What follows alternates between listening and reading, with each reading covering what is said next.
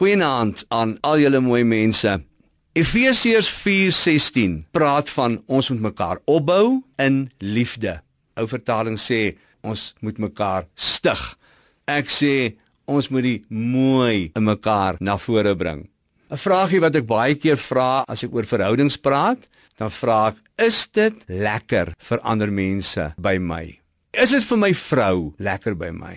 Is dit vir my kinders lekker by my? Is dit vir my vriende lekker by my? Is dit vir my werknemers lekker by my? Is dit vir my werkgewer lekker by my? Is dit vir mense wat my sommer daar in 'n huisbak vir 'n half minuut lank sien en wat in my teenwoordigheid moet wees?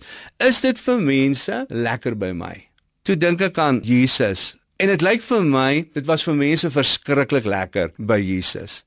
Want waar hy gewees het, was daar altyd 'n klomp mense om hom. En hoekom was dit vir mense lekker by Jesus? Omdat hy nooit afgebreek het nie. Hy het nooit mense gekritiseer nie, behalwe die ou fariseërs wat skynheilig was. Verder het Jesus nooit mense aangekla nie. Jesus het nooit gekla nie.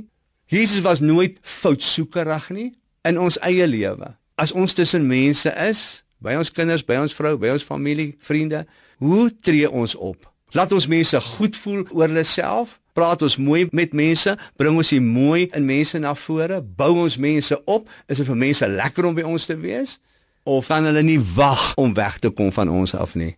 Daar's 'n uitdrukking wat sê, jou grootheid word gemeet aan hoe groot jy die ander ou laat voel wat saam met jou is.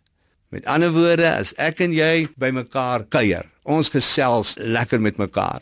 As ek daar wegstap en ek kan sê, "Wow, dit was verskriklik lekker by ou Pieter man." Ek het geniet hierdie 10 minute saam met hom. Dan as jy 'n in stature groot mens, as jy omdraai en jy loop weg en jy sê dit was lekker by Willie, dan was dit 'n suksesvolle 10 minute saam met jou gewees.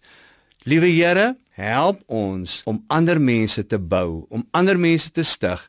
Here, help ons om die ander een altyd hoër te ag as onsself. Ons vra dit in Jesus naam. Amen.